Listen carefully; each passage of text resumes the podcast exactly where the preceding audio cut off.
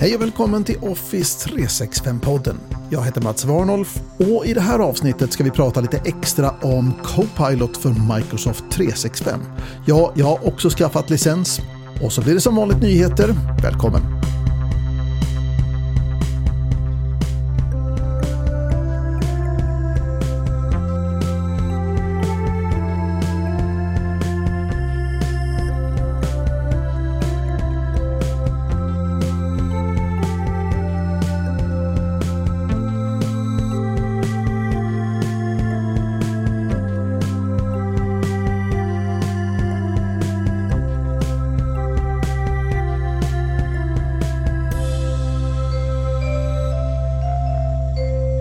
Den 15 januari i år blev Copilot för Microsoft 365 tillgänglig att beställa för alla abonnemang och utan några minimikrav. Jag har själv köpt en licens. Ett år för en användare kostade mig ungefär 3 620 kronor plus moms såklart. Så nu är det dags att börja använda Copilot. Man får väl ta det lite som en bebis som upptäcker världen och undersöka vad Copilot är. Som tur är så finns det gott om kunskap och goda råd. Men jag måste såklart göra mina egna undersökningar och göra mina egna insikter. Min första erfarenhet var inte så bra. Mycket skrik för lite ull, sa han som klippte krisen. Jag har arbetat med ChatGPT och den har många tillkortakommanden, men jag har ändå vant mig vid hur den presterar när jag ber den om någonting. Jag tänkte i min iver att Copilot för Microsoft 365 skulle klara ungefär samma saker. Men där hade jag fel. Fel förväntningar tror jag mest. Copilot för Microsoft 365 är i första hand en AI som arbetar i och med den information som finns i Microsoft 365. Sen, handen på hjärtat. Copilot har tyvärr håsats upp en del. Det är lite överdrifter ändå. Än så länge ska jag säga. För nog kommer Copilot att kunna leverera allt det där som Microsoft visar upp i sina videos och så. Under tiden så finns det en del som jag kan förbereda för att få ut det mesta och det bästa från Copilot för Microsoft 365. Det första har du redan hört, det är jag övertygad om. Och det är att få styr på behörigheter och så. Medan jag undersöker hur Copilot fungerar så undersöker Copilot vad jag har för information tillgängligt. Just nu är det lite ironiskt när en stor språkmodell eller large language model inte förstår mitt språk så bra. I Teams fattar den utmärkt. I Word, Excel och PowerPoint är det värre med språkkunskaperna. Och just nu har jag inte heller Copilot i Outlook och det beror tydligen på att jag som arbetar på en Mac och har svenska som språk i MacOS inte kan få Copilot i Outlook förrän Copilot stöder svenska. Men Microsoft har sagt att under det första halvåret i år så ska svenska fungera i alla Copilots. Då ska jag kunna prompta på svenska och den ska kunna förstå innehållet i mina svenska dokument. Men räcker det med det?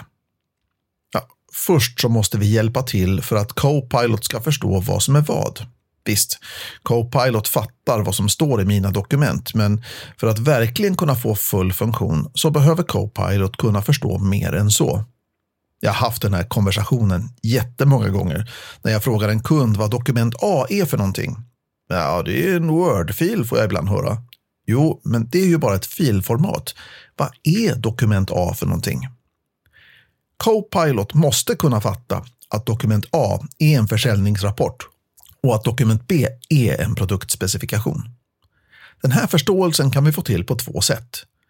Konsekventa namn på filer och mappar och så dokumentens metadata. Metadata, det är de där kolumnerna du ser i SharePoint eller Teams filer-flik. Som organisation så kan ni skapa en standard för vilka metadata ni ska lagra för era dokument. Här kan du ta hjälp av en bra konsult, kanske Mats Warnolf AB. Jag vet. Eh, och så kan ni tillsammans reda ut vilka termer och begrepp som ni ska använda för att beskriva era dokument. Det hjälper ibland att tänka på Copilot som en superduktig praoelev. Copilot kan göra grejer, men den kan inte automatiskt hitta rätt bland allt data och alla dokument i era gömmor. Visst, du kan peka med hela handen och säga att den ska ta fram information från just exakt det dokumentet. Men visst hade det varit gött att kunna säga att den ska använda den mest aktuella försäljningsdatan för produkt X och sen låta Copilot själv hitta i dokumenten.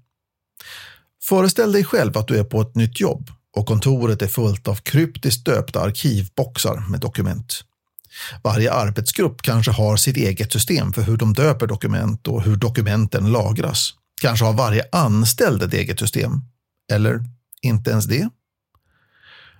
Om någon pekar och säger att informationen finns i ett dokument i den där boxen, ja då blir det lite lättare. Men bäst är ju förstås om boxarna har ett konsekvent system för märkning och innehåll. Och tro om du törs, det blir bättre för de andra anställda också.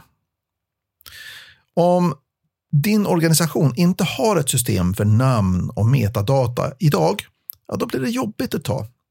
Förut behövde jag kanske inte bry mig om så mycket så länge jag själv hade typ koll på vart allting är. Men om jag nu måste följa ett system som någon annan har hittat på, ja då kan jag inte jobba på autopilot längre. Jag måste aktivt tänka på att följa systemet.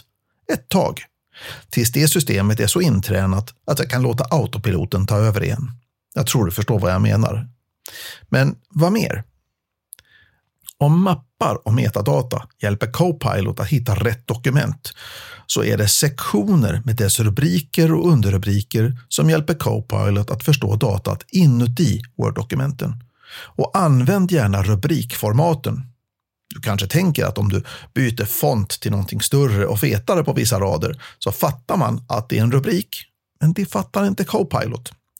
Rubriker och underrubriker, de färdiga formaten eller dina egna format, det är de du ska använda, för de ger struktur till innehållet i dokumentet. Man förstår helt enkelt vad som hör ihop och vad som inte gör det. Copilot i Excel gillar tabeller. Att du måste faktiskt ta dina kolumner och rader och definiera som en tabell för att Copilot ska kunna jobba med innehållet. Annars är allt bara orelaterade celler ur Copilots ögon. Än så länge så är det kört, som sagt, att använda svenska i prompterna, utom i Teams. Och det reducerar ju användbarheten en hel del. Men det kommer att lösa sig. Innan semestrarna är här så är Copilot svensktalande och då blir det ju någonting helt annat. Men det är kanske ändå dags att börja kika lite grann på hur ni lagrar dokumenten i organisationen och hur informationen är organiserad inuti dokumenten.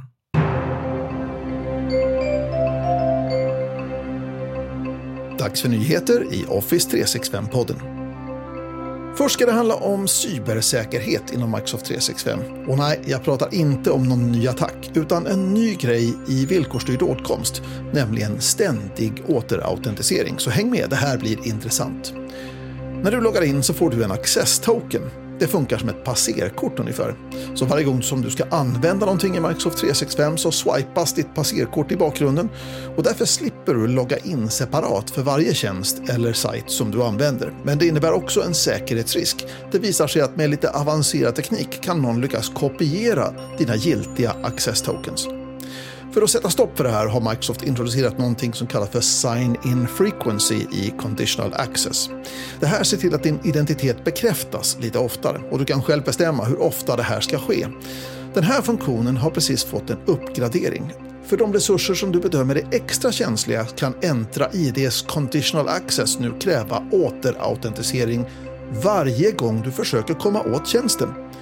Men vad betyder det här för användaren? Jo, det betyder att varje gång som någon ska göra någonting som är lite extra känsligt, som att till exempel aktivera administrationsroll i Privileged Identity Management, eller komma in något känsligt innehåll på en speciell SharePoint Online-sida, ja då kommer systemet att säga “Stopp, vem är du?” och be dem logga in igen. Det här är en viktig säkerhetsåtgärd som hjälper till att skydda både dig och ditt data från obehöriga. För att komma igång så behöver du skapa en så kallad autentiseringskontext för tjänsten och sen skapar du en policy i villkorsstyrd åtkomst eller conditional access där du under session control kan kräva omautentisering. Antingen sådär periodiskt eller varje gång som någon använder tjänsten. Data Loss Prevention, eller DLP, i Microsoft Purview har alltid varit bra, men den har just blivit ännu bättre, specifikt på bilder av känslig information. Sen innan så granskar DLP fristående bilder som vi bifogar i mejl eller liknande. Det nya är att den nu granskar bilder med stöd av OCR eller textigenkänning som det heter, även i bilder som finns inuti dokument. pdf eller kanske till och med zip-filer eller andra arkivformat.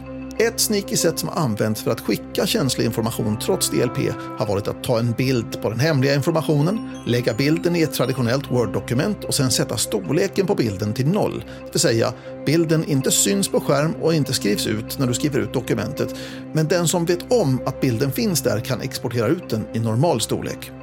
Den här nya granskningen som inte låter sig lura så lätt kommer som förhandsversion i april och blir allmänt tillgänglig i juni.